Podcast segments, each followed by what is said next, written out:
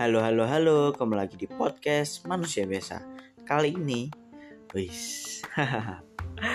Gimana nih kabarnya nih teman-teman semuanya? Kalian pada sehat aja kan? Aku harap sih kalian tetap sehat ya. Kalian tetap punya semangat untuk menjalani hidup dan punya motivasi tinggi untuk mengejar apa yang kalian inginkan. Wis.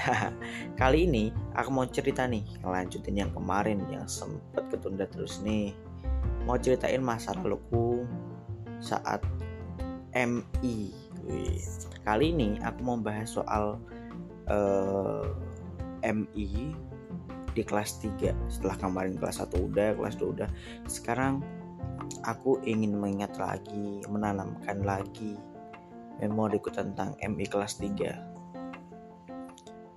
yang paling memorable dari kelas 3 tuh pelajaran matematika. Waktu itu ada satu guru uh, namanya Pak Fakih. Beliau sudah meninggal. Uh, kita doakan yang terbaik untuk beliau. Amin.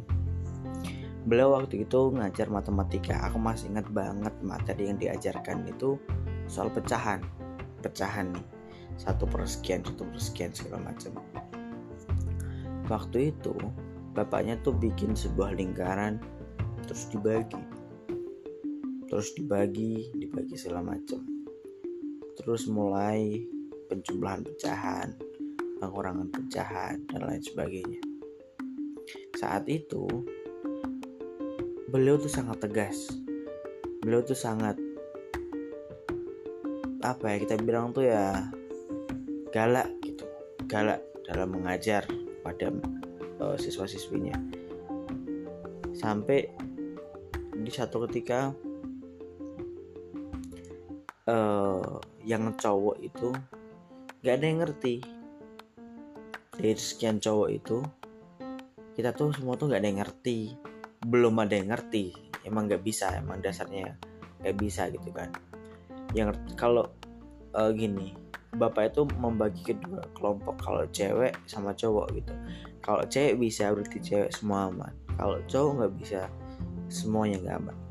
Dan di antara kita semua gak ada yang bisa. Dan pada akhirnya kita itu disuruh berbaris di belakang e, meja depan itu papan tulis meja guru bangku bangku bangku kita disuruh di blok belakang gitu disuruh berdiri berbanjar. Habis itu sampai pulang. Bapaknya ngajar apa pun pokoknya kita berdiri. Nah di saat itu pernah ketahuan. Temenku tuh malah waktu bapaknya nerangin segala macem temanku tuh ngobrol di belakang. Tanpa aba-aba dan segala macem.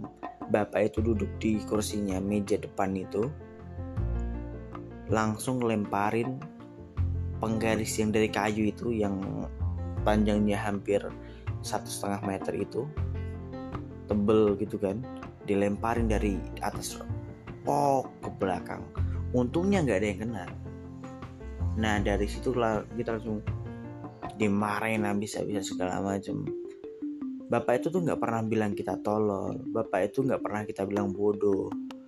Tapi bapak itu tegas gitu untuk apa namanya kok kamu nggak bisa? Gimana kak? Dan bapak tuh selalu mengajak kita buat gimana apa yang kamu nggak tahu gitu tapi dasarnya kita yang nggak mau tahu bukan nggak mau tahu ya mungkin waktu itu kita juga nggak nggak berani buat tanya atau lain sebagainya gitu kan. Makanya bapak kita juga nggak tahu gitu saat itu. Dan bapak juga nggak nggak pada akhirnya ya menjelaskan sesuai pemahaman dia. Nah dan pemahaman dia kan nggak tentu sesuai dengan pemahaman kita kan makanya itu. Tapi akhirnya bel bunyi selesai kita disuruh duduk kita kembali pulang. Sampai bener-bener sampai pulang dari jam aku inget banget itu dari pagi kalau nggak salah. Kalau nggak salah tuh jam ketiga empat sampai so, siang sampai jam 12an dan itu Pak Fak itu kan sekaligus wali kelas kita ya. Jadi itu beberapa mat, beberapa mata pelajaran di belakangnya tuh bapak tuh masuk semuanya jadi mau tidak mau memang ketemu bapak itu seharian. Dan itu sih salah satu memori yang paling aku ingat di kelas 3 sama beliau. Dan aku sangat luar biasa sama beliau sih. Beliau itu orang yang sangat luar biasa kepada orang tuanya. Gimana bukan? Setiap istirahat pertama setiap istirahat kedua posisi sekolah kita itu uh, di Apit sebelah kiri itu masjid masjid yang memang saat itu besar tapi di desa gitu. Jadi beberapa kampung-kampung tuh kalau jumatan tuh ke situ. Di sampingnya itu madrasah kita MI sebelahnya kanan kita lagi itu pemakaman gede banget itu uh, apa ya kapasitas buat satu kecamatan gitu. Bukan lagi satu kelurahan dua kelurahan enggak tapi satu kecamatan. Meninggal di situ kan terusan itu ada jalan di depannya. Terusan depan jalan itu tuh SMP SMP ku. Nah di abis SMP terus tuh ada sawah sedikit gitu sebelah eh bukan nih. Abis SMP sebelahnya tuh ada kali kecil abis itu sebelahnya tuh ada sawah. Nggak besar tapi kecil beberapa peta doang. Abis itu tuh kayak naik. Abis naik tuh di atas itu ada makam kayak kompleks pemakaman tapi kalau ini buat kampung gitu kayak pemakaman kampung gitu kan. Nah setiap istirahat pertama istirahat kedua siang sore segala macam aku yang respect yang hormat dari bapak tuh kita kalau lewat jalan di sampingnya makam itu pasti bapak itu tuh lagi berdoa di atas makam bapaknya. Yang itu yang kita wow kok ada orang kayak gitu? Gitu. Seriusan kita bahkan aku kalau berangkat nih berangkat pagi bapak udah di makam. Kita waktu olahraga mungkin jam 8 habis olahraga gitu kan biasanya kan kita jalan ke, ke lapangan melewati makam itu kan. Waktu istirahat bapak udah di situ. Bapak habis ngajar kalau guru-guru yang lain kan istirahat makan segala macam. Bapak itu istirahatnya ke makam itu istirahat pertama tuh. Habis tuh segala macam aktivitas di sekolah lagi entar istirahat keduanya. Beberapa kali kalau aku lewat segala macam tuh bapak itu juga di situ. Dan bahkan kalau kita pulang nih kalau seandainya lagi pulang sama-sama bareng rame-ramean gitu. Kalau kita pulang bapak itu sama kita pulang ya maksudnya sejalan gitu bapak ya kembali ke situ ke makam itu. Dan luar biasanya beliau tuh setiap hari bisa mendoakan orang tuanya gitu. Aku sampai kadang berpikir kok ada ya seorang anak yang seperti itu kepada orang tuanya? Aku rasa aku nggak se bukan enggak ya tapi belum belum seperti itu banget. Kadang aku kalau ibadah atau kalau ngelakuin apa pun tuh kayak ya udah buat kadang buat aku doa selesai segala macam. Tapi peruntukannya tuh kadang bener kita buat orang tuh tapi kayak doa ya udah udah gitu. Aku ngerasa sekarang tuh kayak kalau Pak Fakir dulu berdoa kepada orang tuanya sesegitunya setiap saat dia mendoakan setiap saat dia bisa mendoakan ke or orang tuanya. Dan aku kok gak bisa gitu. Uh, luar biasa sih. Kadang semakin ke sini semakin mikir ya berarti ada hal yang benar-benar ditanamkan beliau untuk kita sebenarnya. Untuk aku untuk teman-teman ke semuanya. Cuma mungkin kita yang nggak ngeh aja gitu. Kita yang nggak ngeh kita yang hanya ya beliau galak segala macam. Padahal ada hal yang lain yang beliau beliau tuh ingin sampaikan. Dan kita waktu itu bang belum ngeh. Dan sekarang baru hanya bersadarnya dia ingin menanamkan begitu pentingnya belajar mendoakan orang tua. Yang itu hal yang contoh yang luar biasa itu bahkan kadang setiap saat tuh aku kalau kadang pulang udah jam 3 maksudnya uh, main atau lewat segala macam tuh sering banget lewat bapak itu masih di makamnya bahkan itu setiap hari gitu berarti ada hal yang luar biasa yang orang tuanya dulu berikan ke beliau atau sebagainya gitu ya. dan itu juga salah satu momen yang aku inget sebenarnya itu bukan di kelas 1 sih tapi di kelas eh di bukan di kelas 3 sorry. Bukan di kelas 3 tapi di momen kelas 3 itu bener-bener kayak uh, apa ya toko itu bener-bener digambarkan secara nyata di momen itu di kelas 3 itu. Ketemu beliau dan beliau seperti itu. Itu sangat wow sangat luar biasa. Selain itu juga ya kelas 3 sebenarnya ada beberapa hal ya ada beberapa cerita selain itu ada banyak hal teman-temanku. Aku masih inget dulu tuh waktu kelas 3 tuh aku masih kayak geng-gengan gitu. Di kelas tuh ada cewek. Ada cewek lah namanya tuh uh, Feli. Aku ingat banget Feli sama Karisma. Dan ada beberapa yang lain. Tapi Feli sama Karisma ini itu tuh kayak orang yang saat itu jadi orang yang menjadi sorotan gitu. Feli orang yang pendiam pinter dan Karisma tuh orang yang apa aprak kayak ngomong gitu loh. Kayak ini imbangin sifatnya si Feli dan waktu itu juga aku ingat banget aku tuh punya temen namanya Jen Juli. Janjuli Mama Janjuli kalau dia dengar sih Janjuli kamu ini. Janjuli itu dia adalah orang yang saat itu tuh kita paling bukan kita paling takuti tapi saat itu dia tuh paling keren gitu. Dia tuh paling menonjol di antara kita semuanya. Dan aku tuh selalu menjadi di sampingnya Jajuli gitu. Aku tuh aku tuh ya mencoba mencoba ingin ingin dinotis banyak orang. Cuma aku nggak seberani Janjuli Janjuli dulu ya bisa apa ya, ya pokoknya waktu itu nggak tahu kenapa Janjuli pokoknya jadi sorotan gitu.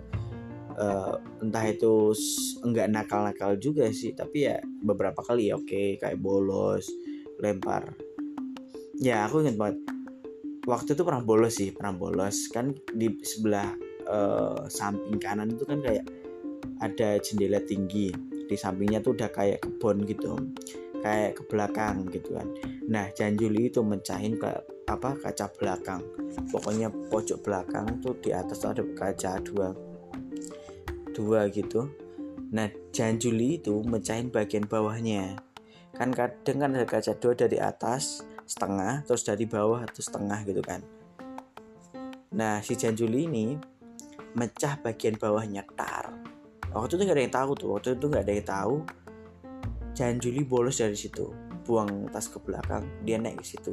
Padahal lubang sekecil itu untuk masuk si Jan Juli sebenarnya nggak muat-muat amat.